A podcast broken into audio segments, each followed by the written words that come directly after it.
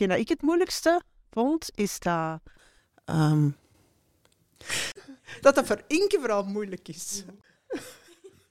ik vind dat nog altijd... Ik heb gestopt. Nee.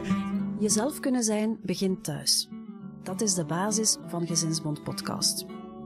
Over het leven zoals het is wanneer iemand in je gezin een LGBTQ-persoon is. Ik ben Sarah, redacteur bij Gezinsbond, en in deze aflevering geven we het woord aan Inke. Inke is hier samen met hun ouders Iliki en Peter en met hun zus Elke. Het gaat vooral over samen en met heel veel liefde een weg afleggen en ook over af en toe eens worstelen met voornaamwoorden. Als ik het kort moet schetsen, zou ik zeggen dat ik in het verleden heel hard getwijfeld heb aan mijn eigen identiteit, vooral op het vlak van gender, omdat er in mijn tienerjaren nog niet echt de woorden beschikbaar waren, of ik vond ze niet, om vorm te geven aan mijn identiteit. En dus dat is voor mij een hele zoektocht geweest. Op mijn achttiende wist ik dan ook pas dat non-binariteit bestaat en dat ik dat ook ben. En in dat hele verhaal heb ik wel het geluk gehad dat mijn familie er was om mij te steunen en om mij mee in die zoektocht of in dat traject te ondersteunen en, en ergens te begeleiden of mij toch de ruimte te geven of, om mezelf te, te vinden. Ik ben heel blij dat ik vandaag met hen hier mijn verhaal kan vertellen. Ja, je haalde het daar net al even aan. Er waren geen woorden voor om te benoemen hoe jij je voelde. Ehm, jij omschrijft je nu als queer. Hè? Ik ga misschien ook mezelf eens vergissen van voornaamwoorden. Want hoe wil jij graag aangesproken worden? En mijn voornaamwoorden zijn die, hun en hen. Oké. En queer, kan je eens even uitleggen wat dat juist inhoudt? Het ding aan queer is dat, ik, is dat het niet gemakkelijk is om dat in één definitie te omvatten. Want queer wil eigenlijk zeggen, als je het heel simpel wilt houden, dat het niet hetero of niet cisgender is. Uh, maar queer is eigenlijk meer een term die we hebben teruggeclaimd als community, want vroeger werd dat ook als scheldwoord voor ons gebruikt. Maar nu beschrijven we onszelf zo om... Um, dat is een hele grote umbrella-term, een paraplu-term, die heel vrij aanvoelt, omdat die net zo heel open is getrokken en niet zo in, in strakke hokjes is gezet. En ik vind dat gewoon een leuke term, omdat het enerzijds zo vrij is. En anderzijds omdat ik gewoon daar echt een community in heb gevonden. En het betekent voor mij ook echt van een beetje verzet tegen al die nauwe hokjes die er zijn. Voor alle duidelijkheid voor de luisteraars, jij bent geboren met het geslacht vrouw, meisje. Maar ondertussen heb je al een hele weg afgelegd. Ik ga eens even over naar de gezinsgenoten. Ik zal misschien beginnen bij de mama, Iliki. Hoe voelt dat voor jou om hier vandaag te zijn en het verhaal van Inke te delen? Uh, ja, ik vind het ook wel belangrijk dat andere mensen dat ook horen. Ja, ik weet, voor ons is Inke altijd Inke gebleven. En um, ja. uh, het is, ja, ik vind dat. Um, hetgeen dat eigenlijk het, hetgeen dat ik het moeilijkste vond, is dat. Um, ik kan Je mag dat zeggen. Ja, maar het is niks speciaals. Ja, nee. dat dat voor Inke vooral moeilijk is. Ja. ik vind dat nog altijd. Uh -uh. Ja, ik heb gestopt. Ja, ja. Nee. Maar het mag er ook zijn wat, wat je nu... Ja, nee, vooral omdat je weet, um, als je niet zijt gelijk de meeste mensen, zal ik zeggen, dat je het in de maatschappij altijd moeilijk gaat hebben. En dat vind ik moeilijk. Ja. Je had het eerder moeilijk met... Je hebt het niet moeilijk dat Inge queer is, of... of dat maakt mij allemaal niet uit. Maar uh, gewoon dat de maatschappij dat meestal niet aanvaardt. Je weet dat je kind het moeilijk gaat hebben. Maar voor jezelf was er geen worsteling om, om hun te aanvaarden zoals uh, die is? Inke is voor mij niet veranderd, dus uh, is hetzelfde. Maar uh, ja, vooral dat de maatschappij er problemen mee maakt. En dan zo soms rare opmerkingen maakt. Dikwijls kwetsend, misschien niet altijd kwetsend bedoeld, maar ook zelf mensen vlak rondom u. Heb je dat zelf al meegemaakt in je directe omgeving? Heel licht. Dat, omdat als je het tegen je directe omgeving, dan kun je het nog uitleggen. Maar ja, soms merk je wel van, -hmm. Ja, maar ja, dat is toch maar raar. Krijgt. En ook omdat ze het niet kennen, vooral, denk ik. Dat vind ik het moeilijkste. Uh, Peter, wat is voor jou in dit verhaal van belang?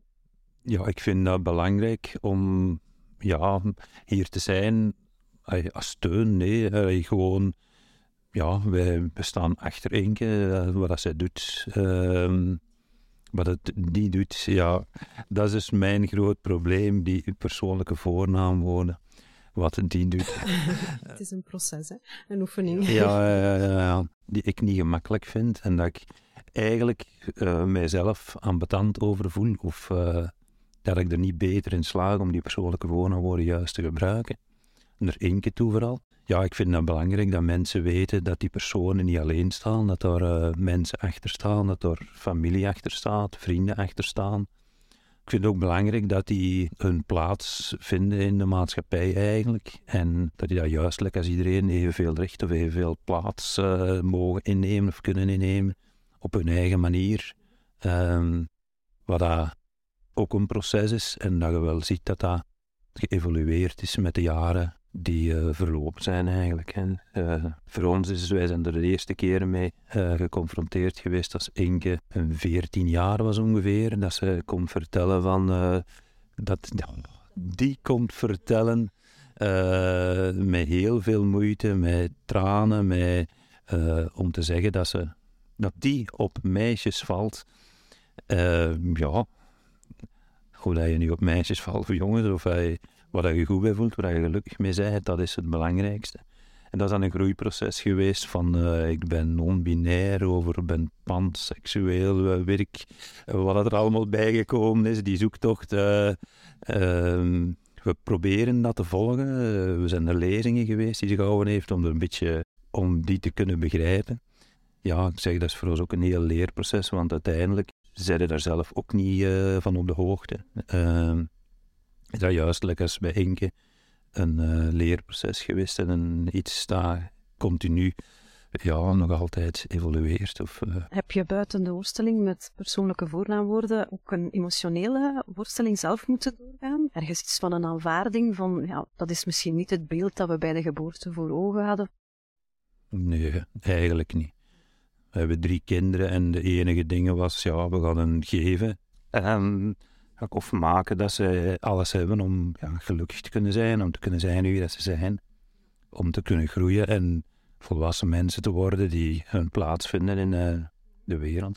Ik ga eventjes naar de zus. Elke, jij bent uh, eh, 13 jaar jonger. Hoe is dat voor jou geweest? Ja, ik was vrij klein toen was het allemaal. Um, maar ik ben er eigenlijk mee opgegroeid, dus ik zie het als gewoon normaal. Ik vind er niks speciaal aan of zo. En ik zie wel bij klasgenoten of kinderen van mijn leeftijd dat dat niet zo is. Dat die er heel anders over denken. En Voel jij veel onbegrip bij leeftijdsgenoten? Volgens mij weten ze er niet veel van. Ze weten zo een paar dingen, maar echt verder weten ze er niks van. En, maar sommige kinderen die zich daar zelf mee bezighouden, die weten dat natuurlijk wel. Maar andere kinderen hebben denk ik echt niks idee van hoe het eigenlijk in elkaar zit. Dus er is echt wel nood aan goede informatie. Want soms hoor ik mensen wel eens zeggen: oh, zijn ze er weer met dat thema? Ja, Inke, ik hoor hier heel warme dingen vertellen van jouw gezin, over jou en over wat jij doormaakt of doorgemaakt hebt. Hoe belangrijk is jouw gezin in heel dit parcours? Enorm belangrijk. Ik heb veel geluk gehad dat ik was omringd door mensen die mij hebben aanvaard zoals ik ben. Want ik heb vrienden en mensen in mijn omgeving waar het helaas ander verhaal was. En ik merk enorm dat dat een grote impact heeft gehad op hoe zij zich konden ontwikkelen als jongeren. Hoe dat zij zich konden ontplooien, hoe zij zichzelf konden vinden. Kinderen die geen thuis meer hadden omdat hun ouders hebben gezegd van bij ons zijt je niet meer welkom. Um, dus het feit dat ik gewoon in een warm nest mezelf kon zijn, ook al was het een hele zoektocht en is dat moeilijk. Ik kan me niet inbeelden hoe ik die zoektocht moest doorstaan zijn als ik absoluut geen klankbord had of geen steun had. Um, dus dat is ja, echt essentieel om je, om je mentaal welzijn op een goede manier te kunnen ontwikkelen, denk je, in je tienerjaren. Het zijn sowieso geen gemakkelijke jaren. En als die extra struggle van genderidentiteit of um, seksuele oriëntatie, die zoektocht die daarbij komt, um, om een extra draagvlak te hebben, die pilaren die een beetje ondersteunen is toch wel heel belangrijk. Ik hoor je ouders ook zeggen dat jullie echt naar infoavonden geweest zijn en zo. En zijn jullie zelf dan ook nog op zoek geweest naar extra informatie? Of deden jullie dat met het gezin samen? Van, oh kijk, we gaan ons nu daar eens over informeren? Ja, in het begin ja, wist Inke ook nog niet, wat is dat allemaal juist? Dus, weet je, wij wisten ook niet wat er allemaal was. vroeger Je hebt mensen, je bent lesbisch of homo of trans en daar stopte het. In die lezingen die we gingen, dat was Inke die die gaf. Ah ja, ja, oké. Dus ja, je ging er naartoe omdat Inke de lezing gaf, maar ook om, om inderdaad meer die informatie te krijgen. Want ook op televisie hoort je er bijna niets van. Ja, en dat is ook iets wat je als ouder vier op zei, die sociale betrokkenheid eigenlijk, dat zij... Ja, zij wouden ook delen hè, met andere mensen, omdat er inderdaad... en opkomt voor andere mensen, mensen, en wat dat zij zelf heeft meegemaakt, dat ze voor zoveel, mogelijk mensen wil vermijden, dat die dat ook moeten doormaken. Uh, en door te informeren, door uit te leggen, door begrip uh, te creëren, te krijgen, uh, is een constant proces eigenlijk. En ja, daar zijn we heel fier omdat zij daar, ja, eigenlijk om het zo maar te zeggen, haar werk van heeft gemaakt, hun werk. Inke, jij bent echt een rolmodel. Je staat hier ook als ik wil mensen steunen en voilà, dit is mijn verhaal. Je wil mensen informeren en je wil een schouder zijn voor degenen die hetzelfde doormaken. Je doet dat ook op een heel creatieve manier. De gitaarmuziek die je nu hoort, komt van onze artiesten hier aan tafel. Je doet ook aan, ik ben het woord even kwijt, ik zei slam poetry, maar dat yeah, is... slam poetry of spoken word, maar al, ja. Spoken yeah. word, ah ja, oké. Okay. I wondered if it would be allowed. if the fantasy in my head needed a reality check because in reality I had never seen two women loving each other the way my mom and dad did. I'm grown now. Had my fair share of grief, fell in and out of love, was in love with the idea of love, but self love was falling in between the gap as I was waiting for the subway. Nostrils drenched in the smell of pee, garbage, and wasted potential. I've often lived underground couldn't show those true colors people kept talking about. It felt like they wanted to carry me to my grave before I was even born. My hand twitches each time someone leaves too soon, as if I'm trying to hold on to the shadow of a life cut short because of who you loved. But we save up resilience under our skin like stem cells that keep our body moving for as long as they can. Queer history is a blood covered surgery sheet. We save and count bodies at the same time, yet I forgot counting the days since my skin first touched yours. Fuck chit chat and self doubt. I want raw, queer love. Isn't that what people have been counting bodies for? I want to kiss all of your beauty marks get high under cloudless night skies, talk about the scars which cover our bodies like fine line paintings. I want to tear apart our oversized sweaters, hiding our queer bodies. I want to unravel you to the bone, leaving whispers under your layers. I want to love you as if the world would let me. I want to love you as if I'm fearless. I want to love you as if we lived in utopia. Is dat een manier van jou om, om dingen te uiten of zelfs te verwerken? Of welke rol speelt uh, die slam poetry daarin? Ik ben eigenlijk begonnen met slam poetry toen ik een video had gezien van Andrea Gibson. is ook een um, spoken word artiest uit de US, die ook non-binair is. En die had een tekst gebracht over een shooting die er toen was gebeurd in een gay bar in Orlando. En die video heeft mij toen zo hard geraakt en vijf minuten later stond mijn eerste tekst op papier. Ik had nog nooit van spoken word gehoord, maar ik heb wel altijd geschreven. En spoken word was voor mij de perfecte combinatie van mijn activisme en het gevoel dat ik meer kon doen of kon betekenen. En voor dat creatieve aspect, die passie die er in mijn schrijven zit. En die eerste tekst ging ook over het feit dat ik non-binair ben. Omdat ik op dat moment het gevoel had dat dat een onderwerp is waar nog heel veel over gepraat moest worden, nog steeds. Maar waar ik echt wel merkte dat ik bij mezelf nog in een zoektocht zat en spoken word kan mij helpen om die chaos in mijn hoofd een beetje te ordenen op papier of in woorden. En um, de eerste reden waarom ik het deed is om, om dingen te verwerken of te kunnen plaatsen. En dan een andere reden is om mensen meer bewust te maken van bepaalde onderwerpen.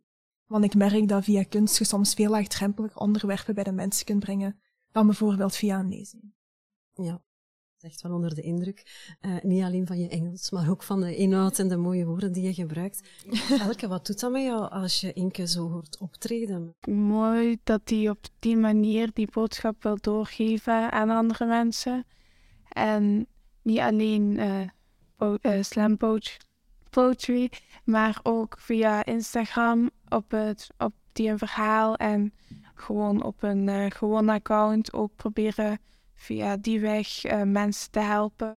En merken jullie soms dat je een beetje van hun uh, boodschap overneemt naar de mensen in jullie omgeving? Zijn jullie ook een beetje mee voorvechters geworden op den duur? Bewustmakers misschien? Als er over of, of, thema's die aan bod komen, als er toch eens iets in het nieuws komt, meestal in negatieve zin of zo, dat je mensen toch probeert uh, te verduidelijken dat het allemaal ja, anders is dan ze zelf denken. Dat ze ja, eigenlijk zich zouden beter zouden informeren voordat ze mensen ja, bijna veroordelen of oordelen over mensen zonder dat ze inhoudelijk weten wat het, waar het eigenlijk over gaat. Ja, als je ziet dat in Amerika daar bij, bij Trump uh, mensen komen spreken van de, weeshuizen worden leeggehaald en kinderen worden transpersonen gemaakt. Allee, dat je denkt van, ja, dat is, we haalden zo'n dingen, dat is allemaal, uh, dat stuit je eigenlijk haar tegen de borst, omdat dat ja, helemaal niet de realiteit is eigenlijk. Dat zijn mensen die vechten of struggelen met hun eigen identiteit en die ja, hun weg niet vinden en hopelijk vinden ze die wel en uh, kunnen ze uh, zijn wie dat ze zijn en um, ja, kunnen ze zo een plaats vinden eigenlijk die ze even hard verdienen als iedereen. Ja, we zijn allebei kinesist, dus onze patiënten die zijn heel variërend. En ja, bij sommige mensen merk je, je kunt daar gewoon over praten en dat is geen enkel probleem. Bij anderen zitten soms ook dikwijls door hun opvoeding of hun geloof nog in een heel strak denkschema. Maar dan toch probeerden zo heel stilletjes van toch ergens uh, naartoe te brengen van uh, hoe dat het eigenlijk beter zou zijn. Maar je moet daar soms wel heel voorzichtig. Je kunt dat niet altijd volledig heel direct gaan zeggen. Het is soms zo langs een omweg. Dat je dan soms toch merkt van, ah ja, misschien ja, dat ze toch ergens beginnen iets verder na te denken.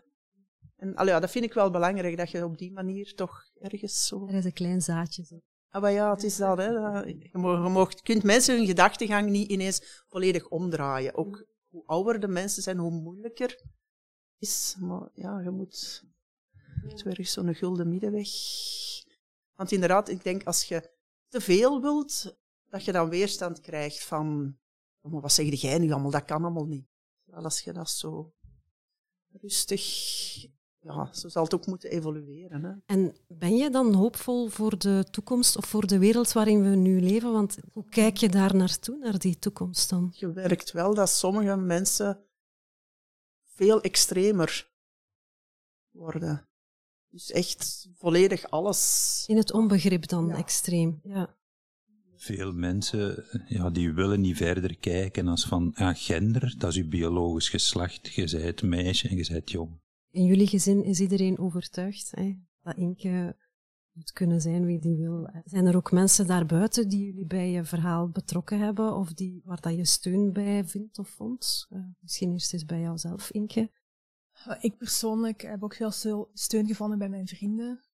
Uh, toen ik bijvoorbeeld achterkwam dat ik non-binair ben, zat ik al in een vrij queer bubbel, zal ik maar zeggen. Dus het was veel gemakkelijker om daar met hen te over, over, te praten. En zij waren ook al iets meer uh, op de hoogte van verschillende termen en identiteiten en zo verder.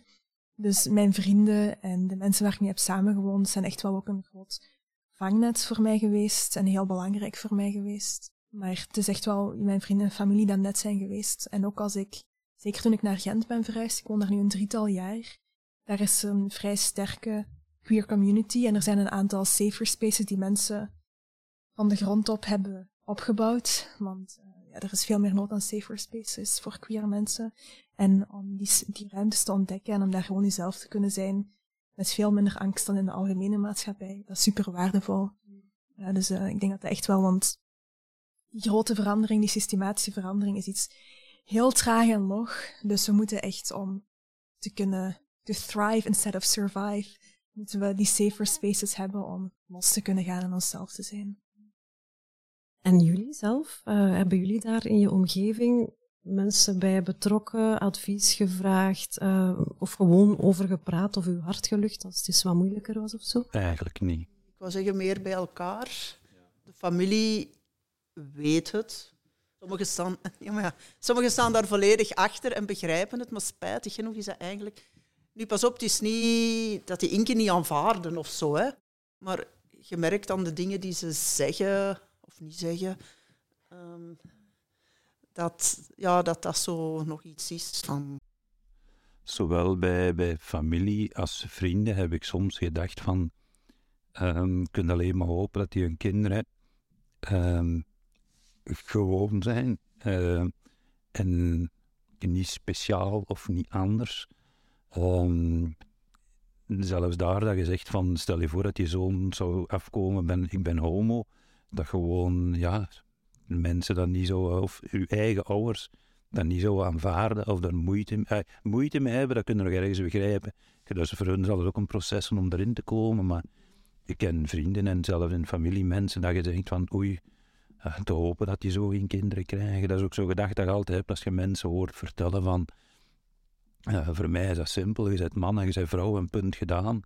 Dat je, ja, dat je denkt van om te hopen dat er geen kinderen of niemand in de kennissenkring of familie is die dat toch niet gewoon, uh, die ook uh, andere gevoelens en gedachten hebben. En um, ja, kunt in zo'n omgeving gaat het inderdaad niet kunnen uh, ontwikkelen of ontdekken of je eigen identiteit vinden. Of, want ja, dat is ook zo, mensen, homo's en lesbiennes, trans, ja, dat zijn allemaal mensen die zich laten opereren.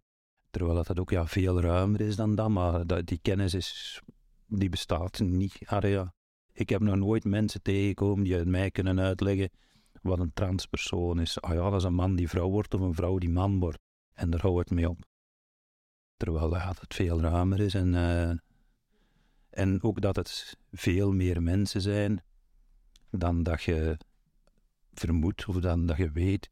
Als je via Inke heb natuurlijk een instap in die wereld, zal ik maar zeggen. En ja, dat zijn veel mensen, zijn allemaal, uh, ja, uh, om cru te zeggen, volwaardige mensen die je zo leert kennen. En anders, ja, wij hebben er ook nooit bij stilgestaan voordat we zelf uh, in die context terechtgekomen zijn. Maar ja, je kunt niet meer doen als ze ervoor openstaan informeren. En ja, iedereen doet toch wat hij of zij denkt dat hij daarmee moet doen. Zijn er voor de rest nog dingen die jullie heel belangrijk vinden? Het is uw moment, pak het. ja, ik, ik denk nog vooral dat die informatie heel belangrijk is, ook al van heel jonge leeftijd. ik denk veel kinderen en jongeren, dat die soms iets in zich voelen, maar gewoon niet weten wat ze voelen. Dat dat, als ze dan meer informatie hebben, ah, dan kunnen ze gaan zoeken. Maar ja, dat ze dat soms gewoon niet weten, omdat ze ook niet weten wat het is of wat er bestaat. Dus ik denk dat dat al van, eigenlijk van in de kleuterschool, stilletjes aan, ook zo dat meer dat genderneutrale, dat dat, allee, of de verschillende genders, dat, want een kleuter, wat kent die? Dat is een jongen en dat is een meisje. En auto's is voor een jongen en een pop is voor een meisje. Oké, dat proberen ze er al een beetje uit te doen. Maar ja, dat dat voor hen eigenlijk normaal zou zijn dat er heel veel verschillende vormen zijn. Maar daar denk ik dat daar de school nog heel hard in tekort schiet. Dat is de plaats. Thuis kunnen ze het soms niet krijgen. Als de ouders het niet kennen of niet mogen kennen. Of, maar op de school kunnen ze iedereen bereiken. Dus ik denk dat dat nog de belangrijkste plaats is. Werk aan de winkel. hebben jullie nog tegen elkaar iets te zeggen over, uh, als je zo terugblikt op het traject dat, uh, dat jullie afgelegd hebben, hebben jullie misschien nog een afsluitende boodschap? Jullie hebben beginnen pleiten als ik nu ga praten, denk ik. um, ik weet niet, het is... Ik vind het jammer dat onze situatie soms speciaal is of uitzonderlijk, of zeker in de queer, ringen, queer kringen waar ik in mij begeef. Ehm, en ik weet dat dit de normale situatie zou zijn, maar ik wil je toch bedanken om altijd zo open te zijn geweest naar mij toe en om mij de ruimte te hebben gegeven al van kind af aan. Ik heb nooit de druk ervaren dat ik een bepaalde um, kleren moest passen of bepaalde dingen moest doen of zo. En doordat die vrijheid en de ruimte mij is gegeven, heb ik mij gemakkelijker kunnen ontwikkelen dan andere kinderen zich hebben kunnen ontwikkelen. En in het algemeen naar queer jongeren toe die hier naar luisteren. Het is belangrijk om te weten dat je niet alleen bent. Ik sta altijd open voor een gesprek via social media. Je wordt graag gezien, ook al heb je dat gevoel misschien soms niet, soms voelt je heel alleen. Maar je moet weten dat je niet alleen bent. Er is een hele community die je graag zien en uh, je gaat die zeker nog vinden. Dat wou ik nog even meegeven. Ja, gewoon je kind graag zien om wie hij is. En dat is heel simpel. Maar ook al wordt het soms niet altijd gezegd, ik heb het altijd gevoeld. Dankjewel om te luisteren naar deze aflevering. Deze aflevering van Gezinsbond Podcast werd opgenomen en gemonteerd door Jade Yorks. In onze Gezinsbond Podcast praten we met plezier over en met gezinnen. Daar zijn we natuurlijk ook de Gezinsbond voor. We hebben het over samenleven, opvoeden, relaties en al de fijne en minder fijne dingen die daarbij komen kijken. Vond je het een beetje leuk? Vertel het dan verder aan heel de wereld.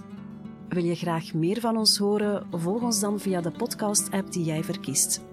Je mag ons zeker laten weten wat je ervan vindt.